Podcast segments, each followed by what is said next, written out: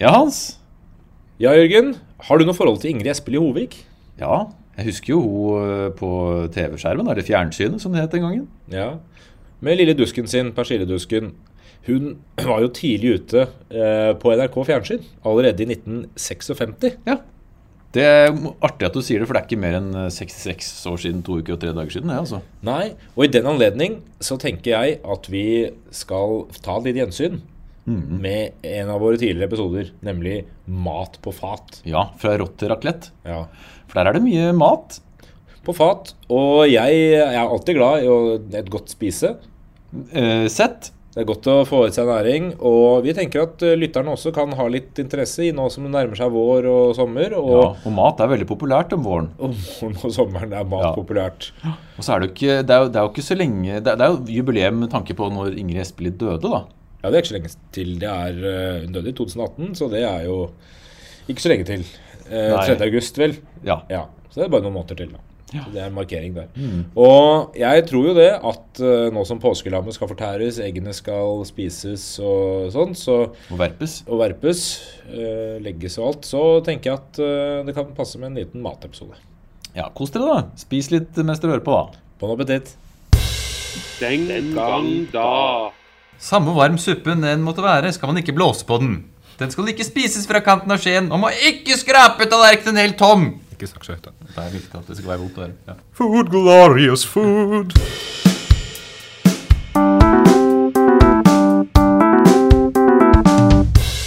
Den gang da. Hei, hei, hei, hei, hei, og velkommen nok en gang til denne fantastiske historiske podkasten Den gang da. Mitt navn er Henning Mortensen. Jeg er programleder, som jeg har valgt å kalle meg selv. Eh, Med meg har jeg som vanlig mine kompanjonger og kollegaer og gode venner. Jørgen Lie, velkommen. Hei, takk. Har jeg blitt venn også? Eh, ja. Og ikke minst Hans Rosvold Hontvedt. Vår fagekspert og temaekspert og ekspert på alt mulig rart. Velkommen. Takk for det. Takk for det. Går det bra med dere? Ja, Kjempefint. Det går fint. Klare for nok en uh, halvtime pluss med historisk tullprat. Det Jeg er vi. klar. Det er godt. Eh, dagens tema, eh, for dere som har giddet å lest eh, beskrivelsen, er jo selvfølgelig mat. Vi hadde om avføring sist, og da tenkte vi det var en naturlig overgang å gå over til nettopp avføringens første fase, Det nemlig ikke, mat. det er jo ikke naturlig. Det er jo i beste fall en regressiv overgang. Men det er greit. Ja, men Det det er en godt. slags overgang, da. Ja. Men mat er godt. Alt er en overgang. Så Det er en forbindelse her. Mm? Ja, en fordi- forbindelse. Ja, Vi nevnte jo sist at uh, avføring det er en konstant utfordring for menneskets, eh, alle mennesker opp gjennom historien, når som helst, hvor som helst. Det samme gjelder jo med mat. Vi trenger faktisk mat. Det er noe vi, for dere som hører på, har lyst til å lære. Mat må du ha. Inn i munnen, og tygge og svelge. Så får du energi. Noen sier jo at, altså Man kan jo si at det første problemet vi adresserte her, ville vært løst hvis man slutta med det andre.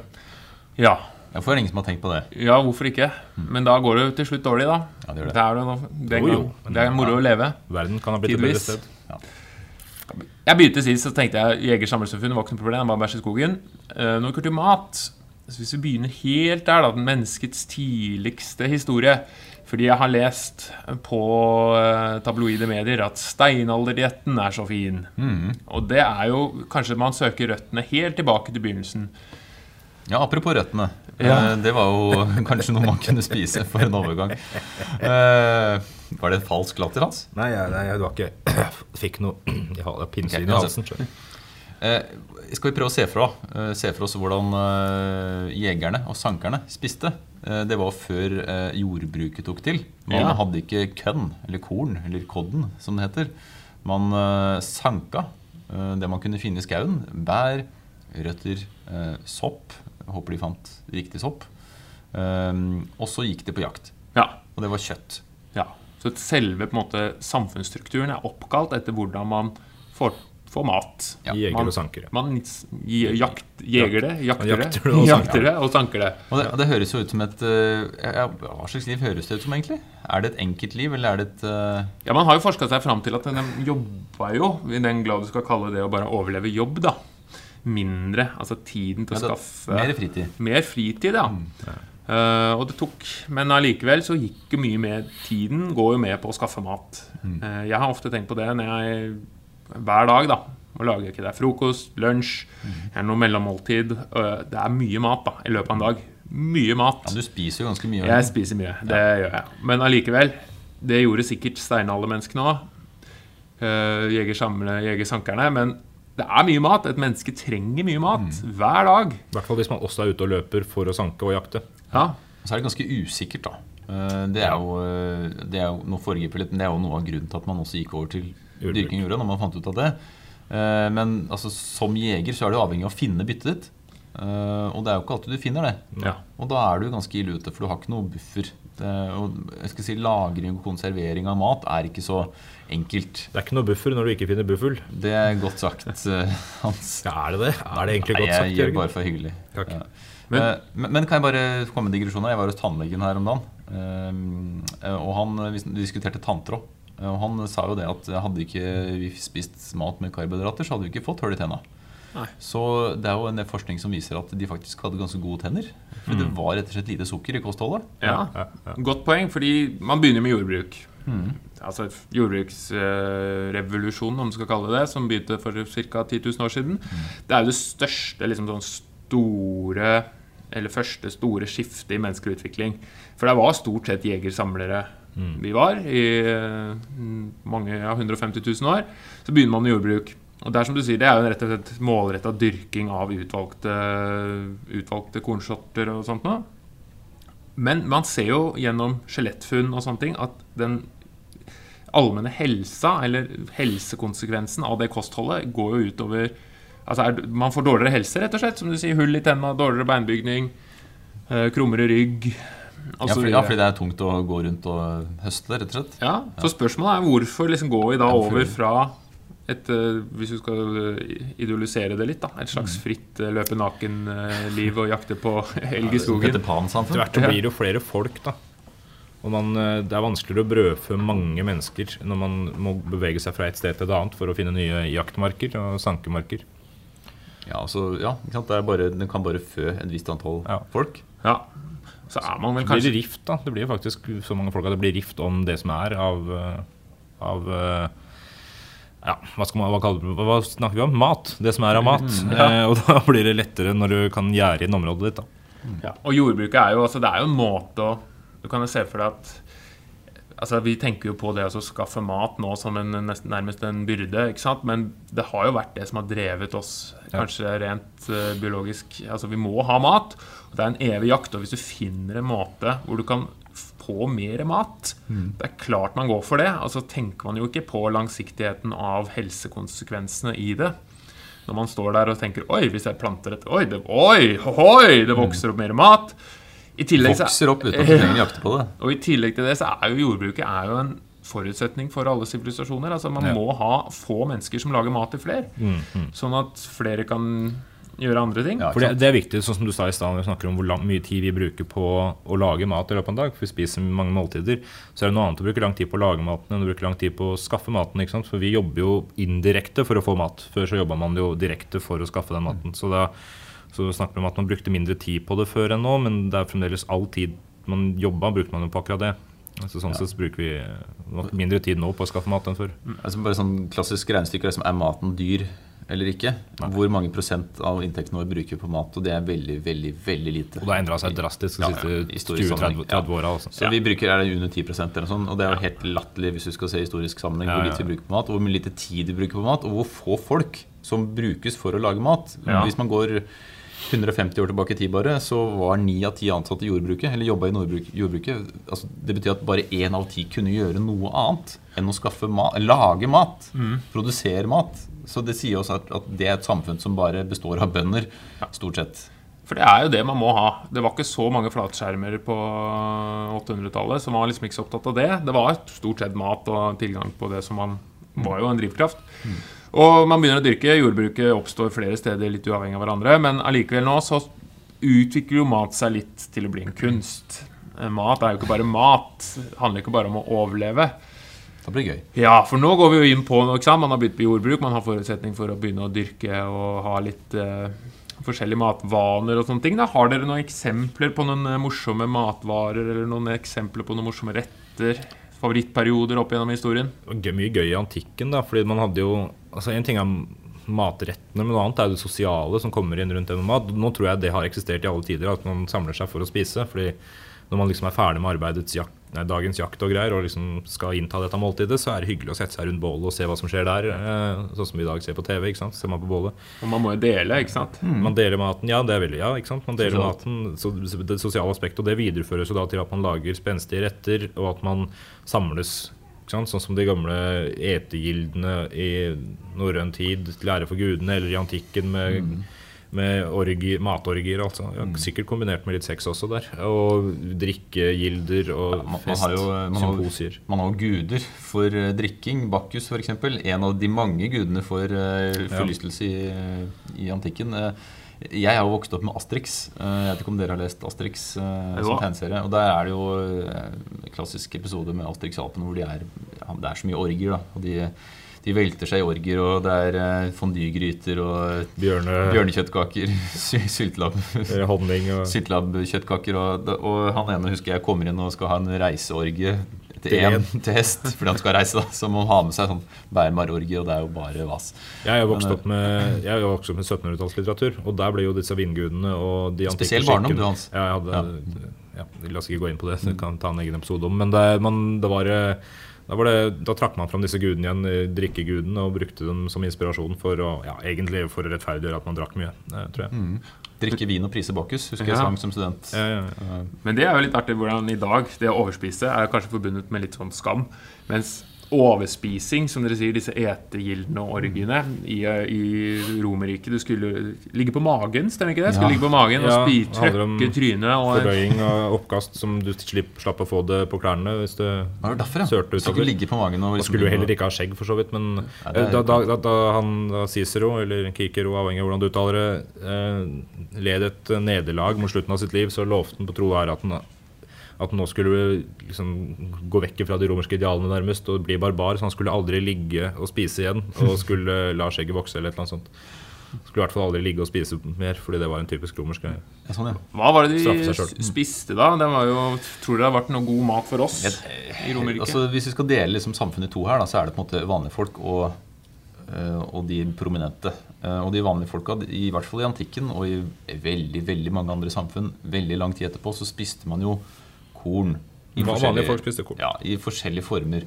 Jeg, jeg prøver liksom å se for meg den vanlige norske bonden eh, på, i middelalderen som eh, hadde akkurat nok til å overleve, og han spiste mye havregrøt i ikke den formen vi kjenner som Bjørns havregryn. Eh, den var grov, den den, den der, liksom, det er hele havrekorn, og det, det knaser, og det er Skraper i eh, halsen. skraper i halsen. er, jeg vet ikke helt hvordan smaken er. Det er ikke salt, eh, du har ikke sukker, du har ikke kanel, selvfølgelig. eh, Og smør har du liksom nå og da, tatt ettersom hvor mye kule du har, osv. Det var ikke alltid man hadde havre heller. Ja. Det kunne være rug og bygg og Rug og bygg og, og grøtter. og gjerne kombinert med småstein. Vi ser fra disse damene som er funnet på Osbergskipet og andre Ja, ja. vikingfunn, ja. at tennene var jo helt utslitt, for disse møllesteinene avga jo stein. Så man, Ah, Grus, ja, man var grus i satt jo og spiste spiste grus. Jeg, jeg trodde du mente han, mett, da. jeg trodde du mente han fyren i Askeladden, og de skyver hjelpa, han som spiser den der steinen. Ja, ja, etterstein. Ja. Men det, tar- men det, der godt ut. Ja, kjempegodt. Men det her med ja, Det blir som fuglene og kråsen. Eh, bortsett fra at vi ikke har krås. Eh, så det er problemet. Munnkrås. Men de sa, den der med grøttradisjonen har jo fortsatt. Mange spiser grøt fremdeles, og det har jo holdt seg. Men, men i, ja, i hvert fall i bondesamfunnet så spiste man jo mye grøt langt ut på 1800-tallet og videre. Eh, en fin scene fra han Vinje i Færaminnet fra Sumeren, bla, bla, bla, når han eh, reiser rundt i Norge på vei mot en signings, kroningsferd i Trondheim og drar innom en eller annen bondegård, og de skal tilby ham mat og vil finne fram det beste de har, men han eh, han slår ja, hva heter det, sier nei takk til det og skal heller ha det akkurat det de får. da, så Han, for han vil ikke være noe bedre enn dem. da, Han er liksom en landsens mann, mener han. Og Da kjører han i seg denne havregrøten. da, og Beskrivelsen av havregrøten er altså så negativ og sint, eller nedlatende, fordi den var grov, og den skar i halsen, og alt var gærent med den. Og Seinere så, så har jeg hørt det at hun dama som hadde lagd den maten, her, hun gikk ut offentlig og, og beklaga seg overfor eh, alle fordi han Vinje jo hadde gjort narr av henne og maten, når han tross alt hadde takka nei til bedre mat først. Ja, det var hans feil. Ja, det var hans feil, og hun var jo oppriktig forbanna. For han, hun hadde tilbudt en bedre ting. Her kommer denne Oslo-typen som trodde han var landsens mann. Og klaga på maten. Men så, så din tradisjon har jo holdt seg. med Ja, ikke sant. Og man spiser jo ja, mer risgrøt nå, kanskje. Noen spiser havregrøt fortsatt, men det er jo med melkeprodukter. Og det hadde man jo kanskje en viss tilgang på da, hvis man hadde dyr. Ja, fordi dyr er jo også en ting vi har spist. Eh, Domestiseringen av dyr kom jo også da med dette jordbruket. Og For folk flest så var vel det å spise dyra noe man gjorde nå og da. for Man hadde jo ikke så mye dyr, så det var jo festmaten. Og da kom jo konserveringen inn. Ja, og da, da har Man på en måte, man har selvfølgelig ikke fryser, og, man, og klimaet forandres, så man kan ikke lagre det ut. Man kan lagre det ute vinterstid, det er jo greit. Men ellers så salter man og speker man og øh, sylter, gjør man kanskje? Man, man legger det. eh, Ja, legger Legger det ja. romerne hadde en fin skikk på å ta vare på mat. Altså De hadde mus. Mus eh, spiste dem uten uten å nøle det. Mus, rikelig tilgang. De er små. Jeg vet ikke om det er godt. Det kan jo være. Men det er det. Eh, Men, men eh, Spiser jo marsvin. Spiser, men de hadde mus, og de feita dem opp, hadde dem på krukker og feita dem opp. Ah. Og gjerne at de blei så feite at kokken måtte knuse krukka for å få ut denne musa. Eh, men det, man spiser jo uh, mus. Hva andre dyr er det man uh, er glad i å spise? Altså, tenker du historisk sett? Ja. Altså man, nordmenn, det er en historiepodkast. Det er en historiepodkast, ja. Jeg glemmer, jeg sitter bare og prater. det. Men, men man har jo Jeg går ut ifra at man hadde sauer og Sau, geit, storfe, ja, Fisk, selvfølgelig. Men det som er, for eksempel, hvis man tar Norge som eksempel, så er det jo helt åpenbart at forskjellige områder i landet har fått forskjellige mattradisjoner fordi de har hatt tilgang til forskjellige typer matvarer. Eh, som har vært mye fisk i Nord-Norge og langs Vestlandet. At det har vært mye, litt mer kjøtt i Innlandet. Det ser jeg for meg på en måte som den, den gylne gullgruve. Altså hvis, du er, hvis du er ved kysten, da har du i hvert fall fisk. Ja, hvis du klarer å fange den, da. Og det er jo en grunn, altså De tidligste sivilisasjonene og liksom jeger-samlersamfunn og sånn har jo slått seg ned nettopp ved, Kyst, ja. ved kyst. For det er veldig greit å ha tilgang på fisk. Østers eh, også. Spist mye østers. Ja, plukker rett opp. Den er ikke så farlig. Den eh, ligger der og gjør, er klar til å spise. Kan til og med spise den rå. Ja, ja, Ja, ja. problem. Smaker Sushi. Sjø. Ja. Den gang da. Men, men skal vi på en måte gå vi, vi har jo En ting er jo mat, og de vanlige folka spiste jo mye korn. da Men man har jo drikke også. øh, Og noe av kulturen også i antikken var jo at man, man hadde med seg vin istedenfor vann. Og hvorfor det? Jo, fordi at da var man sikre på at denne var trygg å drikke. rett og slett. Så selv om man var soldat i hæren, øh, så hadde man liksom militærrasjoner på vin. Og det virker jo helt merkelig at man skal liksom at, at vin er liksom det man foretrekker, men det har med at man er tryggere på at det ikke er forderva eller ikke dårlig eh, At man blir sjuk av å drikke det, rett og slett. Sånn fortsetter det jo. Eh, langt ut på 1700-tallet og 1800-tallet, før hygienen kom. Så for å si det sånn, så, så var det jo bedre å drikke øl og vin. Mm, ja. jeg har noen tall fra Stockholm der det var 70, altså rundt 1700 1750 en gang så var det ca. 70 000 innbyggere der. 700 kroer og barer og puber osv. Uh, årlig inntak av brennevin var 5-6 liter tror jeg, per person, og det inkluderer barn også. Ja, barn fikk jo også øl. Ja eh, En slags tynn, Tynn øl. eh, øl. Ølsprit. Ja. Nettopp for å si fordi det var tryggere enn vann. da Ja. Det var produsert, da, som man hadde Og, og så må man selvfølgelig ikke glemme at eh, det var påbud om å produsere øl hvis man var norsk. Eh, Vi har Gulatingsloven som sier at man skal produsere øl. Jeg har et lite utdrag her. Eh, ikke bare skulle man produsere øl, men eh, det står her at hver gård skulle brygge sterkt øl til jul. Og det skulle drikkes jul, jol, altså det, det gamle juletradisjonen før man fikk den kristne jula, så feirer man jo da vintersolhvelvets At, det snudde, det som kalles jol. Eh, og da skulle minst tre naboer samles og bringe en påbudt mengde øl til fellesskapet julenatten.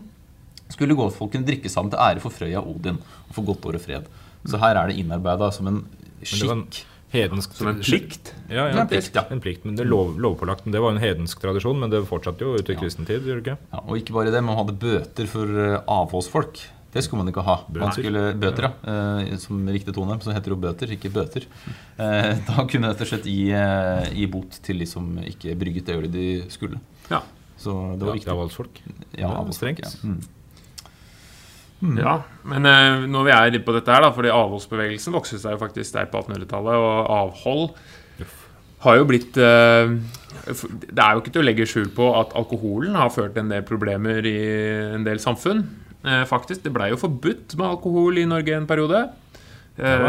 var det 1916 til 1927? Ja. Det er vel to av To av seks folkeavstemninger vi noen gang har hatt i Norge, handler om nettopp alkoholforbudet. Jeg leste, eller hørte en gang at det var noen som sa at eh, grunnen til at det ble valgt gjennom, er fordi folk trodde rett og slett ikke at dette Altså, folk som var for alkohol, trodde ikke dette kom til å skje, så de gadd ikke å dra og stemme. Mens avholdsfolka var jo ihugga og dro eh, en marsj for å stemme, og det blei da forbudt.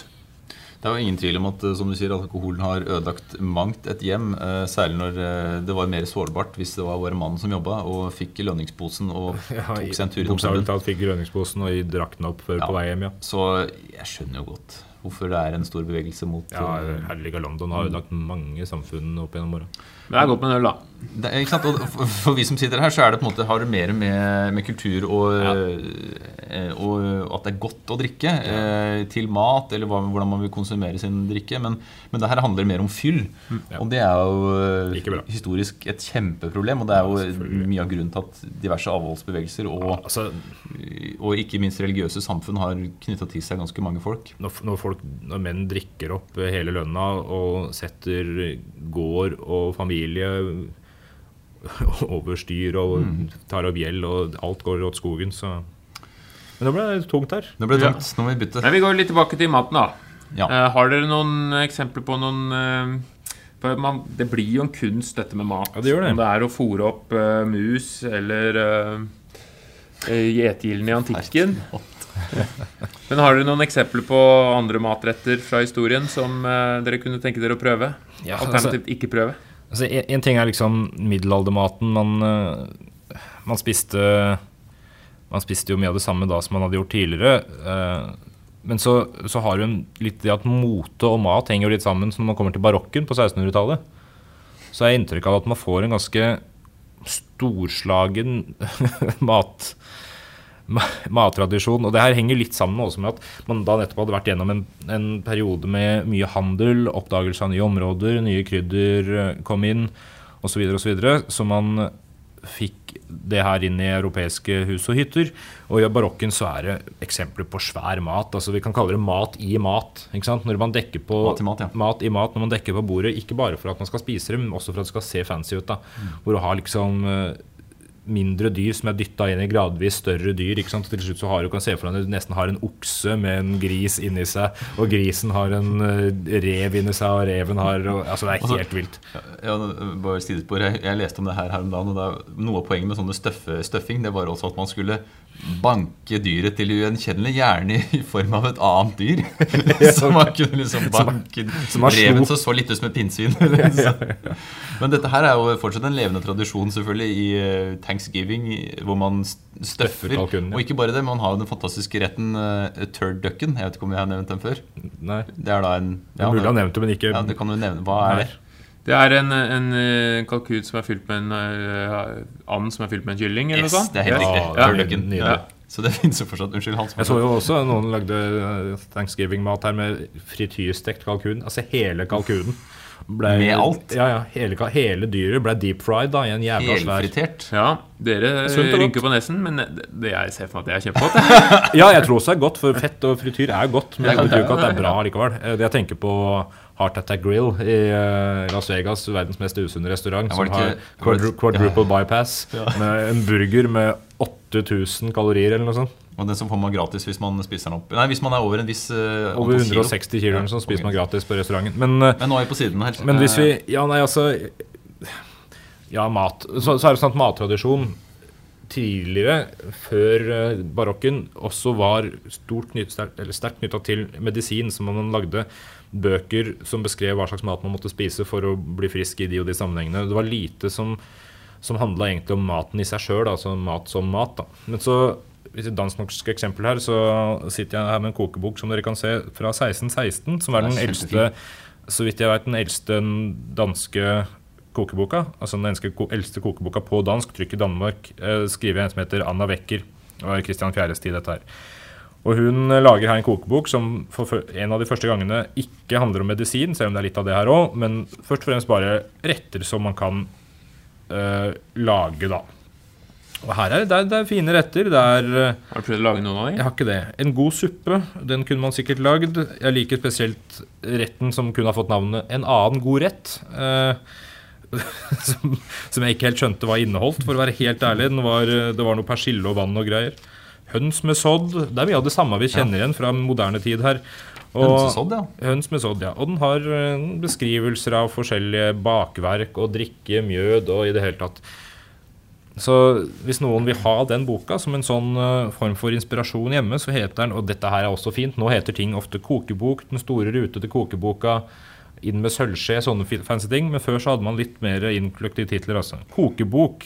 innholdenes et hundrede fornødne skrifter, nei, unnskyld, stykker, som ære om eh, brygning, bakning, koken, brennevin og mjød at berette. Det fortsetter, skjønner du. Det er mer. Såre nyttelikt ute i husholdningen, som til forn ikke på vårt danske språk. Ute i trykk er utgåen. Så det er et lite essay. Det er et lite essay, og det er tittelen, bare. Kan, ja, jeg Ja, eh, går det greit, Henning, om vi tar noen flere oppskrifter? Gjerne. Jeg vil gjerne ha litt oppskrifter. Jeg vil ha litt historisk mat. Ja, for jeg, jeg har noen oppskrifter fra tidlig 20-tall i Norge. Eh, Det er ikke så lenge siden. 1920-tall. Ja, Det er nytt. ja, det er, og det er altså, I den tiden er det jo eh, Du har jo nevnt en annen kokebok her, men vi har jo godeste Skjønberg Erken. Vi kan jo kanskje foregripe en av de store norske kokebokforfatterne. Husker ikke helt når hun var født. Eh, husker dere det? Nei, men det var første halvdel av 1900-tallet.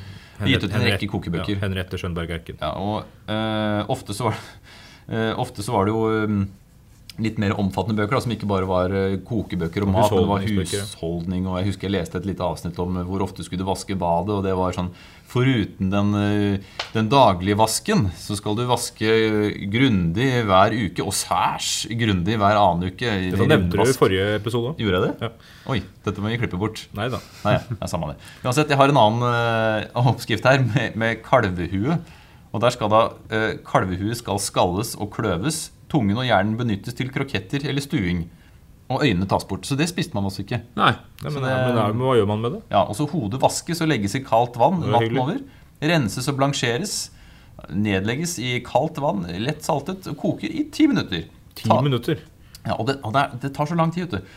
Ikke det, da, men det som kommer. Tas opp og settes deretter over ilden i en, et halv liter kaldt vann med ganske lite salt og koker øh, tre fjerdedels time.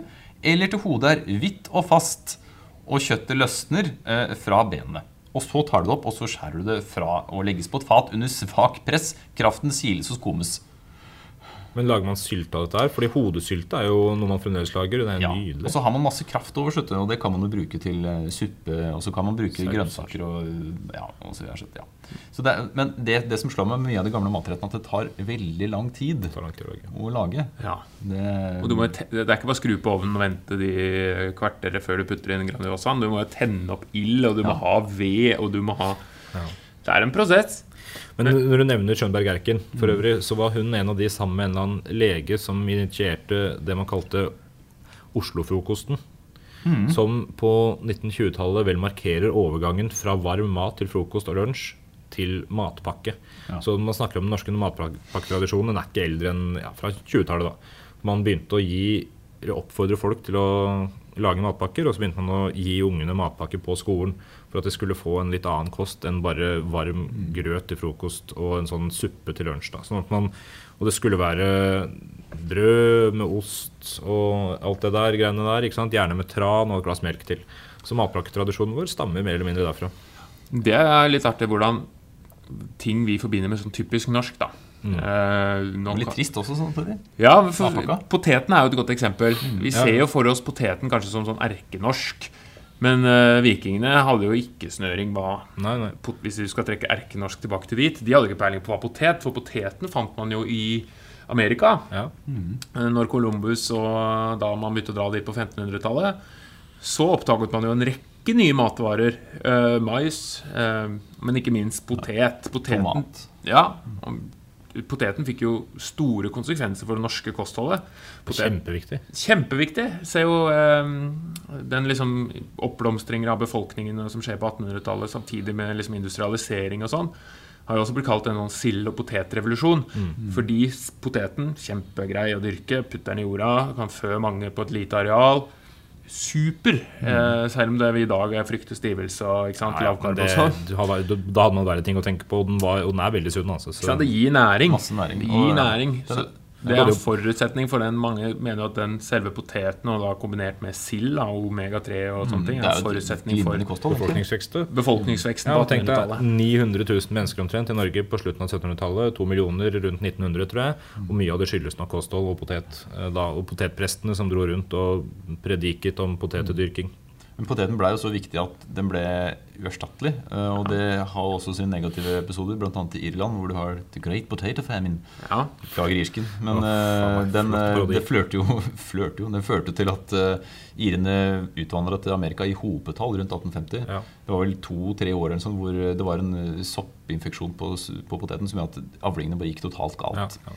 For øvrig en av de episodene som, som førte til et litt betent forhold til England. Fordi eh, de savna hjelp eh, Mm, under denne harde tida. Og det er potetkrise. For noen år siden så hadde vi jo den store smørkrisen rundt juletider her i Norge. Og det er jo det stikk motsatte av hva gjelder næringsinnhold. Men eh, ta en potet. Ta fire, ta åtte, ta alle. Ta en Det- potet. ja. Men Amerika er jo eh, Vi fikk jo mye flott. Eh, En ting jeg er veldig glad i. Og jeg vil si 99,9% av alle befolkningen, og så har du en 0,1 klin gærne idioter. Sjokolade. Det er sånn, ja. Ja, alle, ja, alle må like sjokolade. Ja, sjokolade er Hvis du, ikke, hvis du ikke liker sjokolade, så tror jeg enten Hvis du sier det, så tror du enten at du ljuger, eller så er du kling her. Så du, du er skeptisk til sjokolade? Ja, det er greit å ikke spise sjokolade hver dag. Ja, Det- men det- man kan jo det like noe det og fremdeles Ja. ha selvkontroll. på måte. Man må Ja. like det. Man må. Man må Det er mye jeg liker som jeg ikke spiser hver dag. Ja, Eh, ja nettopp. Men sjokoladen kommer jo fra Amerika. Og den det som Kalinerne, da, de drakk jo sjokolade med chili. Ja, Og ikke sukker noe særlig, så den var ganske kraftig. Ikke noe sukker, nei.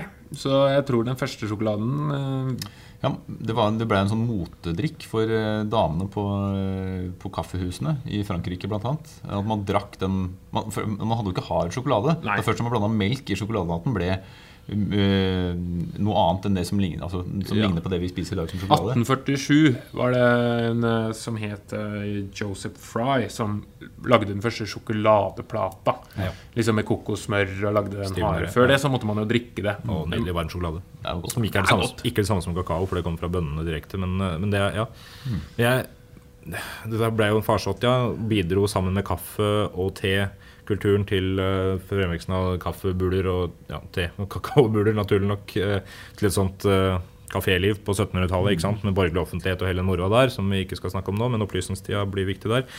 Eh, men det var jo også skeptikere til dette. For jeg, jeg leste en, eh, en skildring en gang om fra det var på 1700-tallet, tror jeg, der, der en kvinne advarte andre kvinner mot å drikke kakao. I hvert fall hvis de var gravide. For hun hadde nemlig hørt om en kvinne som hadde drukket kakao under graviditeten, og hun hadde født en afrikaner. Oi. Det, ja. Så det, det kan faktisk Det, Det kunne kan, faktisk skje da. ja. Det skjer ikke nå lenger. Men uh, drikke, og apropos Afrika, kaffe er jo også populært. Det er litt art både Kall det varm sjokolade, da. Te, men også kaffe, er jo ikke, som vi er veldig glad i her i Norge og Europa, er jo, stammer jo ikke fra eh, Europa. Nei, nei, kaffe var vel første gang jeg ser i Afrika, men den byen som liksom europeerne fikk sin kaffe fra, da, det var jo en by som het Mokka. Ja, der er det det navnet. Det ligger i, Er det der skoene kom fra? Mokkasiner?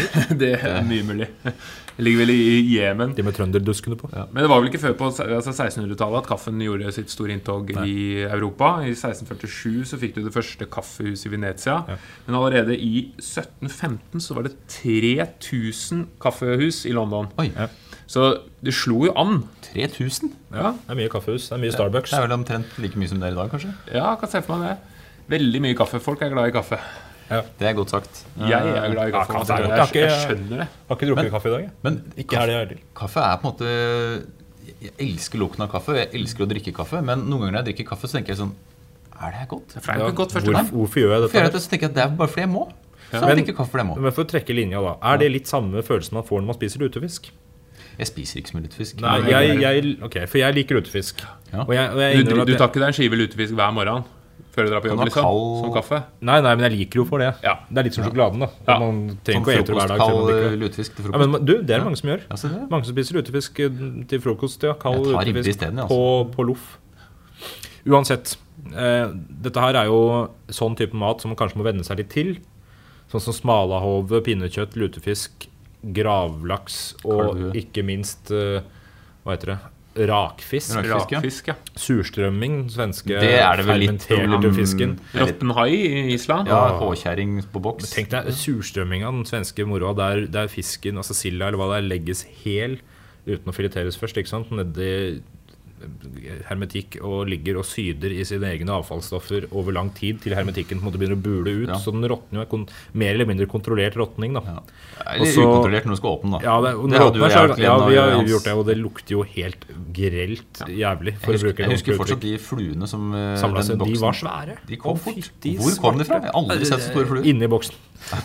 Arlanda flyplass i Stockholm har jo forbud faktisk mot å ha surstrømming på flyplassen i, i frykt for at det skal gå av i bagasjen. Ja, For det har det skjedd en gang. altså Det gikk av på flyet, og man måtte rense hele flyet etterpå. Det var ubrukelig pga. den surstrømminga. Men det er jo et godt poeng. Altså, mye, i hvert fall norsk tradisjonsmat, eh, og da tydeligvis også svensk og islandsk, handler nettopp om bevaring. Det er Ja. billig Det er på en måte det vi ser på som høytidsmat. Jul, ikke sant. Ribbe, pinnekjøtt, eh, lutefisk. Det er jo egentlig det er jo ikke indre, Vi burde egentlig spist indrefileten på julaften, sånn feiringsmessig, men tradisjonsmessig norsk mat handler jo nettopp om det også. Vet du hva man gjorde med indrefileten før? Uh, ja, Spis den sikkert med en gang. da Tror du det? Jeg vet ikke, Det er jo det beste dyret. Stykket på dyret. For jeg har, altså, Det er ofte steik man snakker om. Hvor blir det av det beste kjøttet? Ja, men Du spiser jo det gjerne rett etter slakting, da. Ja, Gjorde man det? Jeg vet ikke. Ja, ja, det, er- det er den muligheten du har. Ja, så Du må jo spise den med en gang, men, er, men det, nå Så til jul så må du tørke ribbeina og salte Tørke dem. og saltes og Legges. Legges og ja. henges og hoppes. stakes og vaskes. For det er langt fra slakting til julaften, da.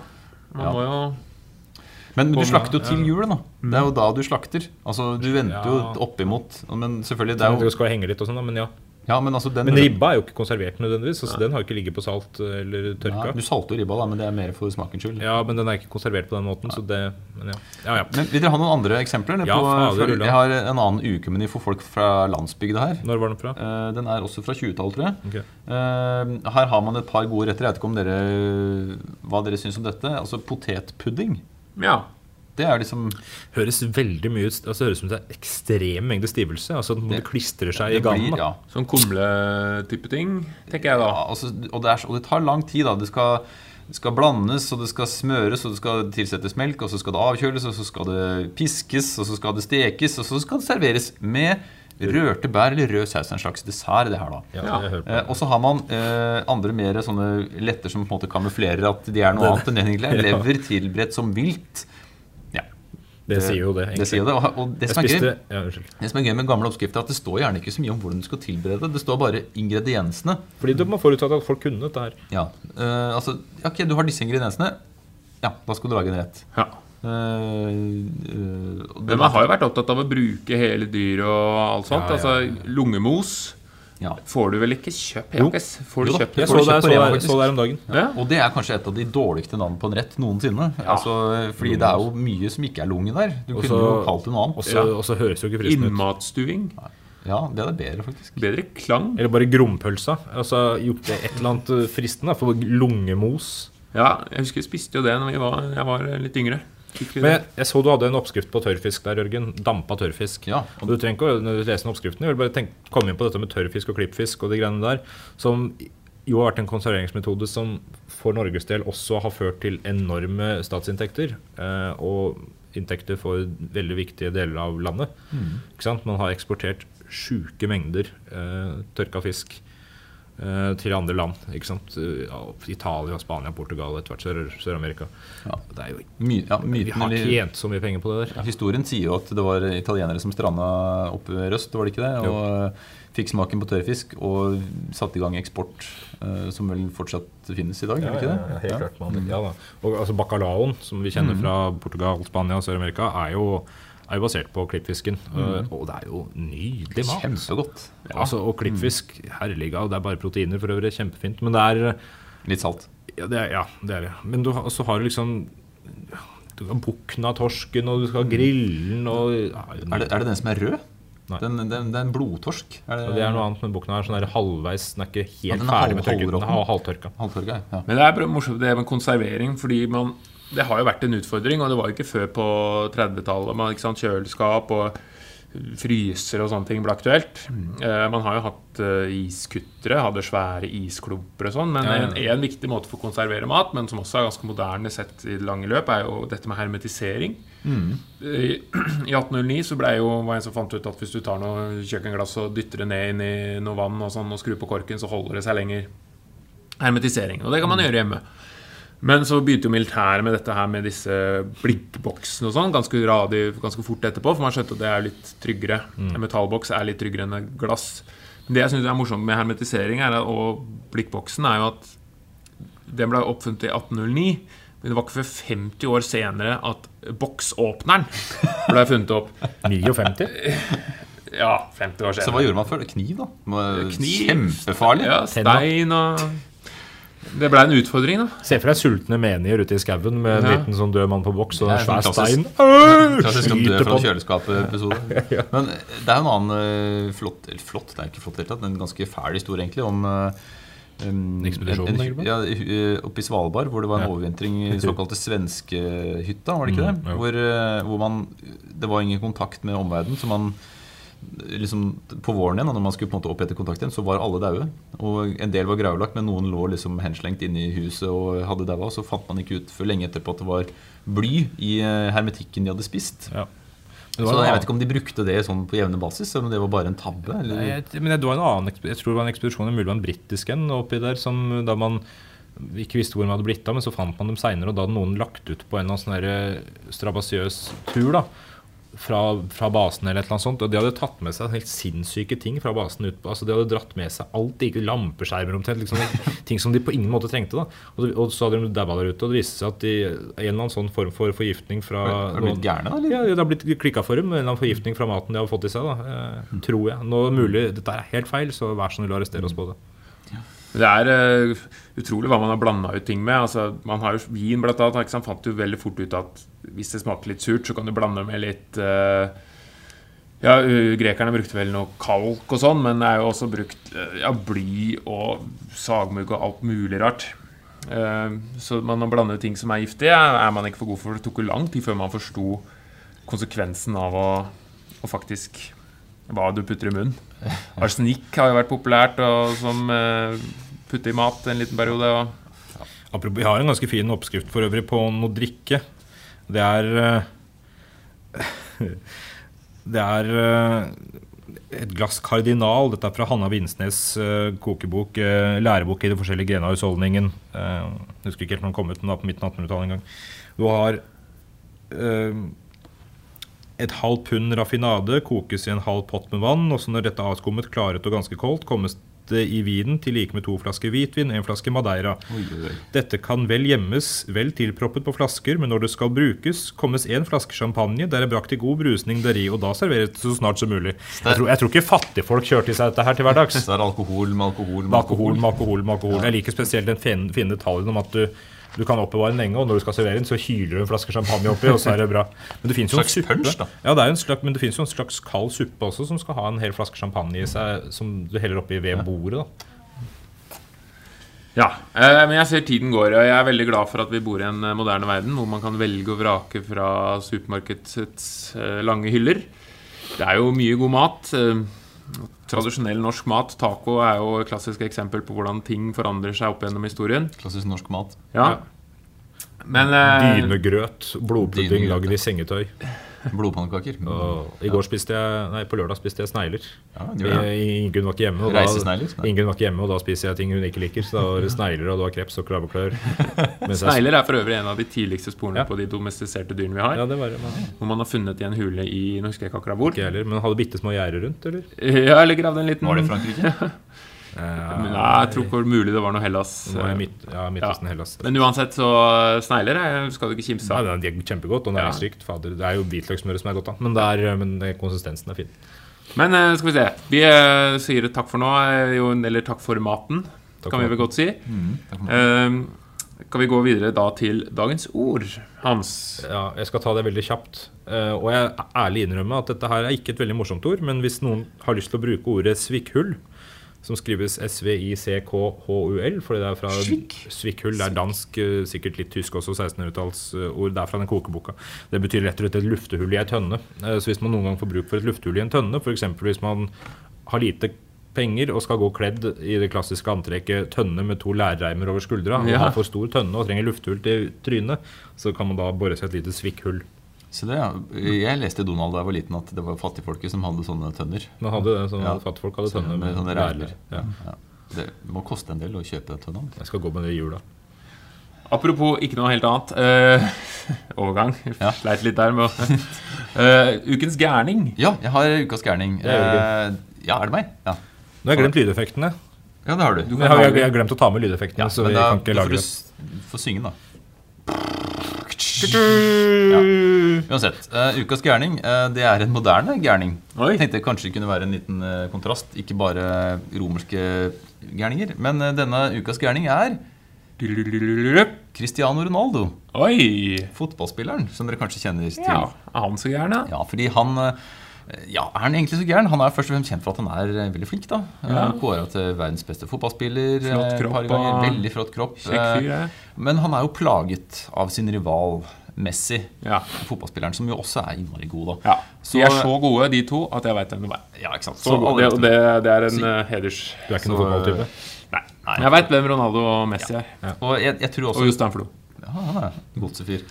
Men jeg tror, jeg tror at eh, Ronaldo har vært litt plaget av at Messi har vært liksom like god, eller kanskje bedre. Så han har gjort sitt ytterste. Eh, men eh, det som er interessant med Ronaldo, er at det, det er alt ved siden. Altså hva han bruker tid på i selvdyrkelsen. Så jeg har gravd litt og funnet Var det i fjor eller forrige så kom det jo ut en Ronaldo-film. En film om Ronaldo. En dokumentarfilm om Ronaldo. Han ble spurt om den filmen var bra. Den var jo selvfølgelig bra, mente Ronaldo. Jeg ville ikke sagt noe annet sjøl, selv, hvis jeg var Ronaldo. Det er greit. Film om seg sjøl. Eh, ok. Eh, han har også gitt ut en biografi, selvfølgelig, eh, om Ronaldo og, og Ronaldo-heten hans eh, osv. Men hvis man Kan ikke å alt det du sier nå, også overføres til han eh, Carlsen? Jo da, men det blir litt verre, skjønner du. Fordi han har også egen parfyme. Det er greit. Men i eh, 2006 så åpna han sin første butikk, og den heter CR7. Altså Cristiano Ronaldo 7, som er trøyenummeret hans. Og den selger klær, eh, bl.a. diamantbesatte belter, fikk jeg vite. Eh, sko og altså, Jeg siterer direkte oversatt fra engelsk. Spesielt tettsittende klær for kvinner. Det selger da den butikken. Ja. Og så går vi litt videre. I 2013 så kjøpte Ronaldo en voksstatue av seg selv. Ja. Eh, fordi han ble så imponert over voksstatuen som fantes på museet i Madrid. Så han tenkte at den vil jeg ha hjemme. Så han kjøpte en statue av seg selv da, Ja. med litt andre klær. Um, Veldig tettsittende klær for veldig kvinner. klær for kvinner. En voksstatue. Om han ble imponert av seg selv, det veit jeg ikke. Eh, Det er kjekt å slippe å se i speilet. Da. det er veldig greit jeg sjekker sveisen. Også, samme år da, så åpna, så åpna det et museum dedikert til Ronaldo på hjemstedet hans, um, Madeira. Eh, og det ble da senere noen år etterpå utvida. Eh, nå er det to etasjer stort og rommer 1400 kvadratmeter. og hva finner man der? Stappfullt av Ronaldo-ting, som f.eks. Tettsittende klær for kvinner og Masse Nei, det er jo drakter, da. Drakter selvfølgelig. Og så er det sko. eh, og utmerkelser. Men en detalj er at museet det ligger like ved siden av den tre meter høye bronsestatuen av Ronaldo.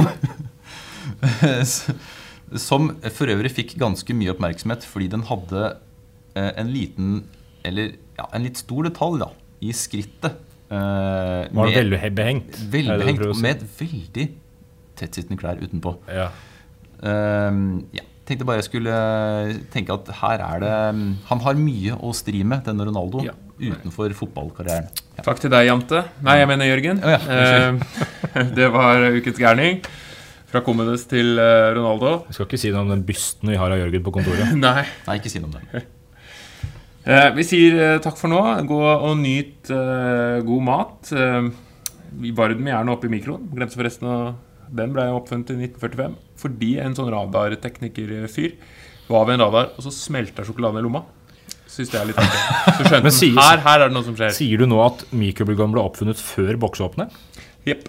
Nei, etter. Hva sa jeg? Å, 1945? 19, oh, ja, oh. Ja, boksåpneren sa du 18. Ah, 18, ja. Okay. Ja, fordi du sa i stad at uh, 50 år etter at uh, boksemat ble oppfunnet i 1909. Det stemmer ikke. 1809. Da, beklager, da tar jeg beklager spalten nå. Beklager for at jeg sa feil der. Og hvis jeg hørte feil, beklager jeg også. Ja, det tar vi om fladspalten neste uke. Takk for nå, og så ses vi om en ukes tid. Håper dere har en fortsatt fin uke. Håper dere er sultne. Ja. Spis rent.